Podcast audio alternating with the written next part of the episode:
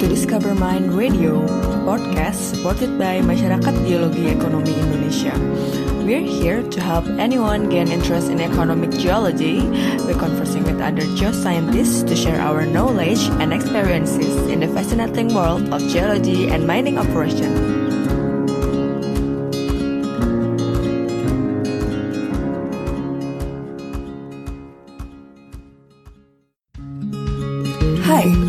Welcome to Discover Mind Radio. I'm your host Renanda and we're going to talk about mining consultant in Indonesia. Pada episode kali ini, kami berdiskusi dengan Bapak Sumardiman Digdowirogo. Beliau memiliki pengalaman lebih dari 40 tahun di industri pertambangan. Beliau sendiri pernah bekerja di beberapa company seperti BSP Billiton, Kobatin, dan Traffic Endeavor. Hingga pada tahun 1999, beliau mendirikan Sumakop, Exploration Service Company di bidang mineral dan batu bara. Kredibilitas Sumakov sendiri sudah tidak perlu dipertanyakan lagi. Dalam 20 tahun terakhir, Sumakov sudah banyak mengerjakan proyek baik di dalam maupun di luar negeri. So everyone, please welcome Bapak Sumardiman Dikdo Wirogo. Assalamualaikum Pak, selamat pagi, apa kabar Pak? Waalaikumsalam, selamat pagi Mananda. Kabar baik, Alhamdulillah. Pak Sumardiman bisa tolong diceritakan sedikit Pak mengenai latar belakang sejarahnya berdirinya dari Sumakop ini Pak? Kembali ke tahun 99 ya, di bulan Mei lah, itu BSP itu menutup 27 kantor eksplorasinya di dunia dari 35 yang ada termasuk Indonesia. Kenapa BSP waktu itu menutup 27 kantor eksplorasi di dunia? Soalnya harga tembaga waktu itu tuh turun menjadi kurang daripada satu dolar per pon sehingga uh, margin atau dari perusahaan BSP itu dua tahun berturut-turut itu mengalami kerugian. Jadi kalau perusahaan itu mengalami kerugian, paling gampang yang di cut itu adalah eksplorasi. Nah, setelah perusahaan itu mendeklar bahwa kantor BSP di Indonesia yang hubungannya dengan mineral, mineral ini ya, itu tutup. Soalnya batu bara masih survive waktu itu. Itu uh, kita di let off semua. Waktu itu ada 29 orang, artinya termasuk saya. Sehingga dari situ uh, kita berpikir-pikir ya, mau ke mana lagi ya setelah itu, ya kan? Kita bicarakan secara internal dengan teman-teman, ide saya kira banyak sekali. Sehingga salah satu yang menonjol itu adalah uh, membuat usaha sendiri. Soalnya kalau kita membuat usaha sendiri, waktu itu tuh BSP ngasih fasilitas akan menjual aset-aset ke calon perusahaan baru itu dengan harga yang murah. Dapatlah kita jaring dari situ ada beberapa orang yang ingin gabung. Uh, dari yang gabung tersebut itu kita lihat kualifikasinya ternyata orangnya cukup komplit ada geologis, ada geofisikis, ada orang bor, orang operasi, ada field asisten, dan sebagainya. Sehingga akhirnya usaha yang kita lakukan pun skupnya itu persis sama dengan yang dikerjakan waktu kita sebagai pegawai di PHP. Itu sejarah awalnya. Jadi ini adalah komitmen dengan teman-teman, begitu ya. Komitmen dengan teman-teman waktu itu. Walaupun begitu, kenapa kita melakukan usaha sendiri ya? Salah satu alasan itu tentunya teman-teman yang bergabung itu punya alasan yang berbeda-beda. Tetapi uh, kalau dari view saya waktu itu tidak ada lagi perusahaan yang working in partnya ya, waktu itu itu lebih bagus daripada BSP. Jadi artinya saya pindah di perusahaan lain ya, saya khawatir menemukan hal-hal ya yang tidak kita inginkan Daripada begitu, sekalian aja kita backset kembali dari nol, yaitu mendirikan suatu usaha sendiri yang tidak terbayangkan sebelumnya. Sama sekali. Jadi betul-betul ada ide start dari scratch. Itu kira-kira sejarahnya ya. Menarik sekali Pak Sumardiman dari background terbentuknya Semakop ini. Memang kalau saya lihat sih ketika manusia kepepet gitu Pak biasanya jadi kreatif dan memang ini terbukti dengan hadirnya Sumakop yang eksis sampai 21 tahun sampai saat ini ya Pak ya. Um, itu juga dilatar belakangi oleh komitmen dan kredibilitas dari tim Sumakop sendiri. Dalam 21 tahun pengalaman ini Pak, bisa diceritakan nggak Pak apakah ada pengalaman menarik atau challenge selama berkesimpung di dunia konsultan Pak? Oh ya jelas, challenge-nya banyak sekali saya kira.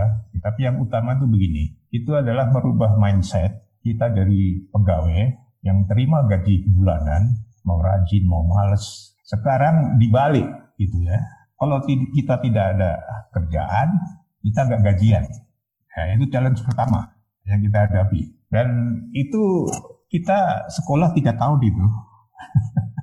Jadi artinya tiga tahun pertama dengan segala komitmennya kita dari teman-teman yang aktif sebagai pemegang saham dan sebagai pegawai itu bertahan tanpa ada yang mundur ya. ya. Jadi saya kira itu yang luar biasa ya.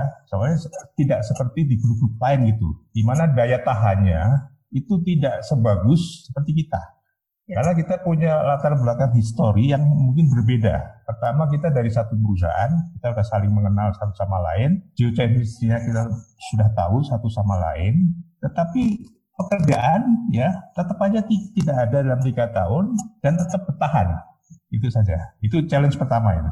Memang sebetulnya kalau misalnya untuk apalagi untuk konsultan seperti ini gitu ya Pak, baik di konsultan maupun di pekerjaan industri, memiliki tim yang baik itu akan membus banyak hal, bisa mendorong kita untuk bekerja lebih baik, dan juga bisa akhirnya akan jauh lebih baik karena kerjasamanya lebih uh, nyaman seperti itu Pak. Kalau misalnya saat ini gitu Pak, Sumakot sendiri kan sebenarnya lebih ke konsultan yang menawarkan general service seperti itu Pak. Dan tentunya itu perlu modal yang sangat besar. Pada saat itu, modalnya itu dapat dari mana, bagaimana caranya pertama kali, oh kita akan bangun nih startup gitu, atau konsultan. Itu kan sebenarnya untuk general service perlu modal yang sangat besar gitu Pak. Bagaimana saat itu menyikapnya? Apalagi kata Pak Sumardiman tadi, tiga tahun pertama tidak ada klien sama sekali seperti itu. Ya, sebetulnya modal adalah kita uh, memakai sebagian uang package kita ya, yang dari BSP, kita kumpulin, silahkan mau setor berapa. Jadi waktu itu ya kita dapat uang dari kumpulan-kumpulan dari teman-teman itu itu 510 juta rupiah hmm. tahun 99. Itu adalah modal awal kita untuk bergerak, ya kan? Terus apa yang kita lakukan dengan modal itu? Ya, kita beli asetnya BSP, kemudian hal-hal lain yang diperlukan, dan kita tidak digaji. Ya, kita tidak digaji sama sekali. Jadi eh, itu cara kita survive. Yang penting bertahan dulu. Tapi mungkin sebelum ke lebih lanjut ya, mungkin Mbak Nanda, saya coba terangin sedikit masalah pengertian konsultan di sini ya. Oke, okay, baik Pak. Kalau kalau pengertian konsultan itu biasanya cuma ngasih advice saja kan. Tetapi sebetulnya kita lebih dari itu. Soalnya kalau cuma ngasih advice itu biasanya konsultan itu kerjanya individual. Jadi individual itu artinya kerja sendiri atau misalkan dibantu itu sama satu atau dua orang itu sebenarnya sudah cukup. Dia punya spesialisasi tertentu.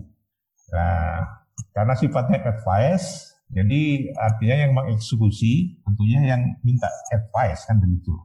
Mau dijalankan atau tidak. Tapi kita itu adalah lebih daripada konsultan. Kita adalah grup ya. Jadi kita juga kadang-kadang itu mengeksekusi pekerjaan. Jadi itu bedanya mungkin. Dan kemudian kalau Mbak Nanda itu sudah kenal Sumakop, itu kan selalu kita di bawah itu kita bilang ada eksplorasi, kemudian ada drilling, kemudian ya, ada tenement begitu kan? Ya. ya. Nah, eksplorasi itu kan uh, dari A sampai Z. A-nya itu adalah literatur study, uh-huh. ya. Z-nya itu resource estimasi. Jadi dari A sampai Z ini varia, variasi kerjaannya kan banyak sekali itu. Ya, betul. Ya.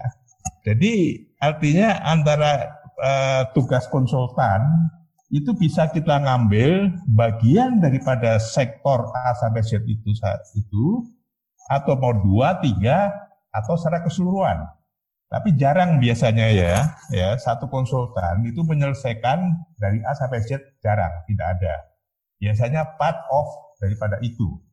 Hmm. Nah, kemudian kalau di manajemen ini ya sebetulnya kan eh, pada dasarnya ada tiga kan, ya. Yang pertama itu adalah kita membuat planning, perencanaan, kemudian eksekusi, kemudian uh, supervisi kan, pengawasan kan.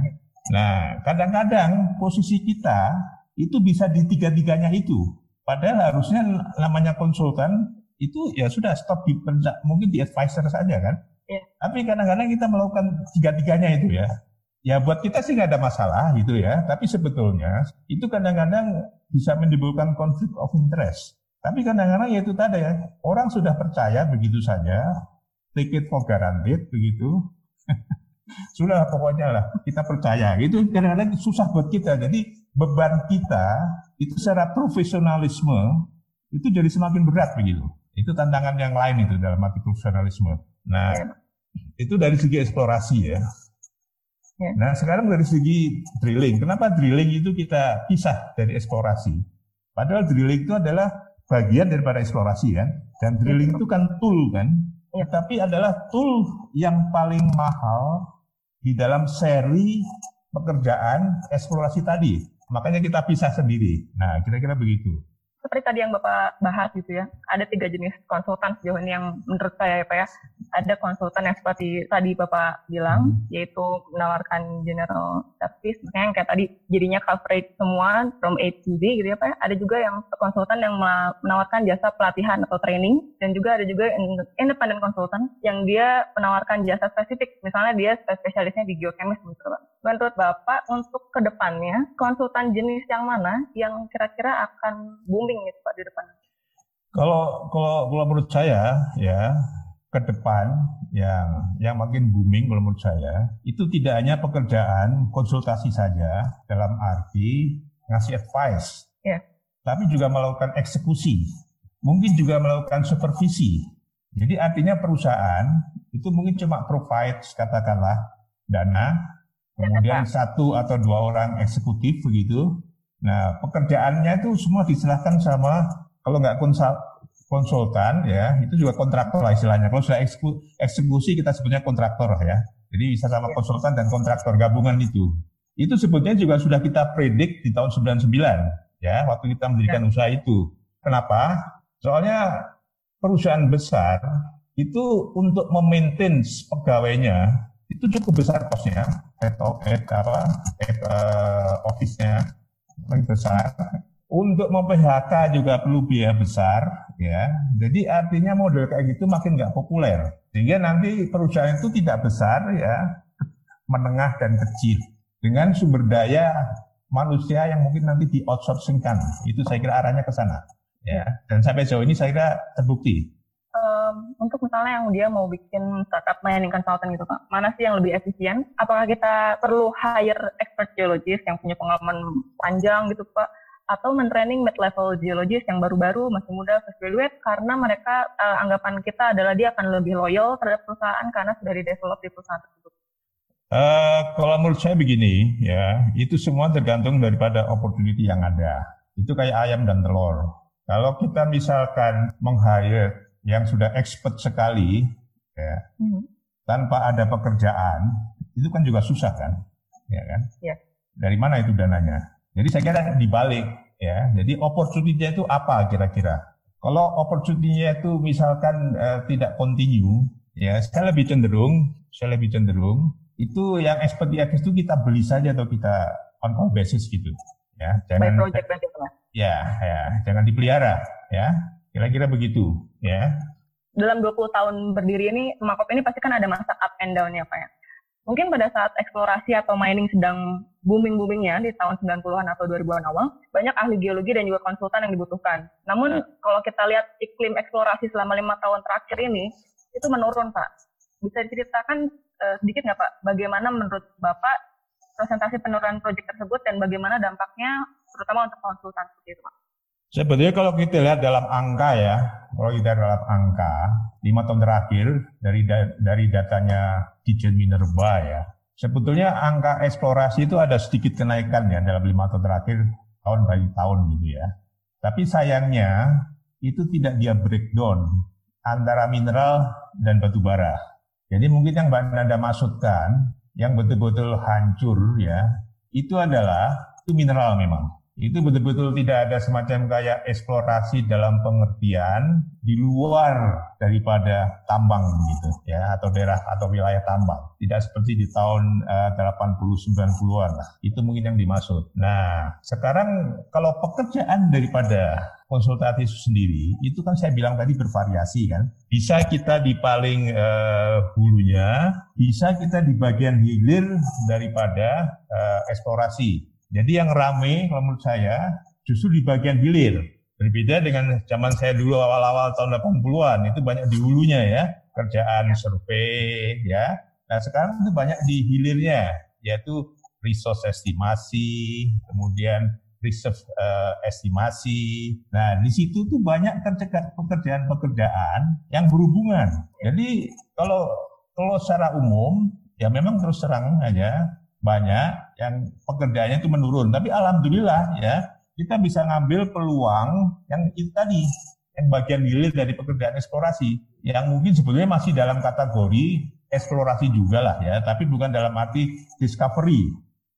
Eh, menarik sekali Pak Mardiman karena betul uh, saya baru ngeh nih ternyata pekerjaan konsultan itu bisa sangat panjang dari awal sampai akhir. Ketika memang tidak ada opportunity untuk mengerjakan yang di hulu, kita bisa mengerjakan yang di hilir gitu Pak. Seperti itu. Terutama uh, mungkin kalau misalnya pekerjaan hilir saat ini mungkin untuk company-company yang memang sudah running dan cukup bertahan kali Pak ya.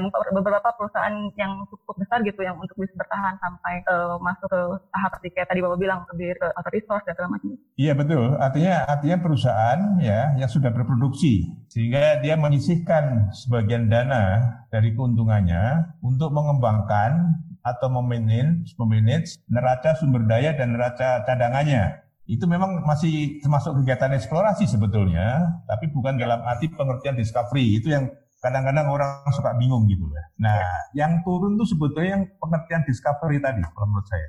Ya. Hmm, kalau misalnya dalam masa-masa yang eh, katakanlah karena kan ini kan up and down apa ya kadang ada job kadang enggak gitu. Ke, ke, dalam momen di mana dia sepi project itu pak kalau dalam konsultan sendiri langkah apa yang sebaiknya diambil? Apakah memilih untuk meningkatkan skill SDM-nya atau mencoba mencacagi bisnis yang lain yang tidak berhubungan langsung dengan aspek teknikal gitu, seperti menyediakan jasa pelatihan Ya, sebetulnya itu bisa saja ya, itu bisa saja cuma sekedar itu mau ngisi ya, ya. Tetapi praktis lah ya. Kalau kalau pekerjaan itu sifatnya tidak kontinu, up and down, saya kira perusahaan nggak akan bisa maintain itu mereka. Misalnya kalau pekerjaan konsultan itu sebetulnya kan high cost dari gaji karyawan kan, gaji profesionalnya kan. Kalau misalnya nggak ada pemasukan dari mana dia bisa maintain gitu. Kecuali kecuali kalau modelnya ya semua profesional di situ juga pemegang saham dan itu jauh lebih bagus. Sehingga waktu zaman susah ikut susah, zaman enak ikut enak. Begitu. Saya kira itu yang paling ideal. Jadi hubungannya bukan antara atasan dan bawahan dengan pegawai, bukan. Tapi masing-masing profesional itu adalah sejajar. Kalau ya. untuk pekerjaan konsul itu yang paling bagus menurut saya. Jadi bisa maintain itu uh, forever itu um, kalau misalnya kita balik lagi ke fenomena yang umum terjadi nih Pak. Saat ini tuh banyak sekali praktisi tambang yang dia sudah merasa punya pengalaman yang cukup, let's say 20 tahun gitu Pak. Kemudian berpikir untuk, uh, oke okay, saya mampu nih untuk mendirikan service company atau konsultan seperti itu Pak. Namun sebenarnya ketika kita memikirkan untuk membuka suatu mining konsultan, itu kan hanya tidak hanya berbicara tentang technical skill atau practical ya Pak ya di lapangan siapa, tapi juga ke managerial skill. Menurut Pak Sumardiman, managerial skill ini tuh bisa dipelajari sambil berjalan, maksudnya sambil jalan bisnisnya, atau memang perlu pendidikan formal di bidang manajemen bisnis sebelum membangun suatu perusahaan? Ya sebetulnya kalau menurut saya bisa dua-duanya itu ya, tapi lebih uh, saya lebih uh, cenderung ya itu skill itu dibawa sejak lahir sebetulnya ya. Jadi sebetulnya setiap individu itu artinya punya itu kemampuan itu sebetulnya ya. Skill itu tuh punya. Tinggal permasalahannya itu di lingkungannya itu terasa atau tidak begitu. Jadi kalau terasa ya semakin uh, runcing kan. Kalau nggak terasa ya semakin tumpul ya kan. Jadi Kemudian kalau kita itu sekolah-sekolah formal ya untuk gelar akademis ya, itu kadang-kadang uh, itu cuma memperkaya kita saja dalam kita mengambil keputusan dan bersosialisasi atau berinteraksi dengan dunia luar. Jadi pakai istilah-istilah yang bisa diterima lah di dunia bisnis ya. Ya kayak decision making proses itu sebenarnya kan kita sering melakukan kan ya Tapi kadang-kadang kita kan nggak tahu namanya itu apa. Oh ternyata di teori itu ada namanya namanya ini. Jadi oh, iya. jadi kadang-kadang kita tuh ya dari pengalaman saya kemudian saya juga ngambil MBA juga itu kayak kita tuh belajar istilah saja gitu. Sebetulnya apa yang iya. sudah kita lakukan itu sebetulnya ya sudah itu namanya manajemen gitu loh ya. Tapi setelah belajar teori, oh gini namanya ini, oh ini namanya itu gitulah. Begitu aja soalnya uh, saya ngambil MBA itu setelah 20 tahun saya punya pengalaman kerja begitu. Jadi sebenarnya itu semua udah familiar ya Pak ya? Cuman, iya. Oh McGill itu namanya apa? iya. Cuma nggak tahu isi namanya aja istilahnya gitu. Waktu kita belajar ak akunting ya, gue ngerti belajar akunting kan kita harus bisa membaca membaca laporan akunting kan. Ya, iya gitu. betul betul. Ya, ya, ya itu harus tapi sebetulnya kalau masih di uh, ranah eksplorasi ya itu relatif sederhana lah, belum kompleks sekali gitu loh. Permasalahannya belum kompleks sekali. Uh, misalnya nih Pak, kita bikin study case. Coba diposisikan kalau Bapak Sumardiman itu sebagai klien. Bagaimana hmm. Pak Sumardiman menilai kompetensi dari suatu mining consult? Oke. Okay. Uh, eh, jadi artinya begini, karena itu adalah eksplorasi geologi, uh, kuat-kuatan interpretasi ya. Jadi artinya hasilnya masing-masing individu itu tidak sama. Jadi cek dan recheck itu menurut saya mutlak. Itu gunanya konsultan. Ya, untuk second opini, untuk opini ketiga dan sebagainya. Ya, jadi kalau saya posisinya di klien, itu saya kira perlu. Soalnya kalau misalkan kita punya suatu eh, aset ya, yang sudah kita explore, kemudian sudah diverifikasi sama satu dua konsultan yang berbeda, itu value-nya akan lebih dibanding sama sekali tidak karena posisi konsultan sendiri memang uh, ada juga konsultan yang tipenya adalah untuk uh, sebagai pihak ketiga yang netral apa ya untuk melihat apakah memang yang dikerjakan geologis di suatu company itu sudah benar atau belum maksudnya sebagai pandangan ketiga uh, untuk penentuan keputusan selanjutnya di company tersebut Pak. Iya. Yeah. Um, kalau misalnya kita uh, balik lagi Pak, uh, tolak ukurnya apa sih Pak kebesar? Kalau misalnya kita bisa lihat oh konsultan ini berhasil, apakah ketika si konsultan tersebut berhasil untuk mendapatkan klien dan uh, dipakai kembali atau gimana Pak? Ya, yang pertama memang orang melihat dari segi integritas ya. Kalau tidak ada suatu berita ya yang sifatnya negatif, baik itu berita resmi maupun rumor di society di luaran, society kita itu nggak besar loh, kecil kok. Jadi kalau kita berbuat uh, sedikit kesalahan tuh, itu akan terdengar ke mana-mana dengan cepat ya. Jadi artinya uh, itu itu saringan pertama. Kemudian saringan kedua, ya itu tentunya bagaimana dia mengasih advice dari kemampuan yang dia miliki. Jadi artinya kan uh, si owner atau principal ya itu kan bisa menilai kan bahwa itu masuk akal atau tidak ya. ya. Kemudian setelah itu pasti kan ada advice itu kan dijalankan kan betul atau tidak. Ya artinya dijalankannya itu kan untuk pembuktian itu. Ya, ya dari situ kan. Ya. Kalau misalnya kayak tadi Pak, eh, kan fenomenanya sekarang jadi menjamur nih Pak konsultan-konsultan baru untuk lima tahun terakhir. Sebenarnya ada nggak sih Pak cara tertulis atau gimana kalau wah kalau syarat untuk bikin konsultan itu misalnya perlu educational background yang cukup misalnya minimal S2 atau S3 atau mungkin perlu dia sebagai competent person atau mungkin dia perlu pengalaman let's say di atas 15 sampai 20 tahun. Apakah ada peraturan tertulis seperti itu atau enggak? Saya kira nggak ada suatu peraturan kayak gitu nggak ada. Tetapi artinya rule of thumb-nya itu itu sekarang kan ada kode kan, kompetent person di situ kan. Jadi lebih kurang itu yang dipakai untuk ukuran gitu. Nah soalnya kalau kita sudah dibalik, dibilang competent person ya kompeten di bidang tertentu itu kan sudah otomatis kan di belakangnya itu kan ada pengalaman, integritas ya, ya dan sebagainya. Tadi menarik ya Mbak Nanda bilang ya, konsultan itu berkembang dalam lima tahun terakhir. Tetapi sebetulnya mungkin yang dimaksud itu batu bara itu ya. Soalnya saya nggak banyak menemukan ya, yang mineral nggak banyak menemukan.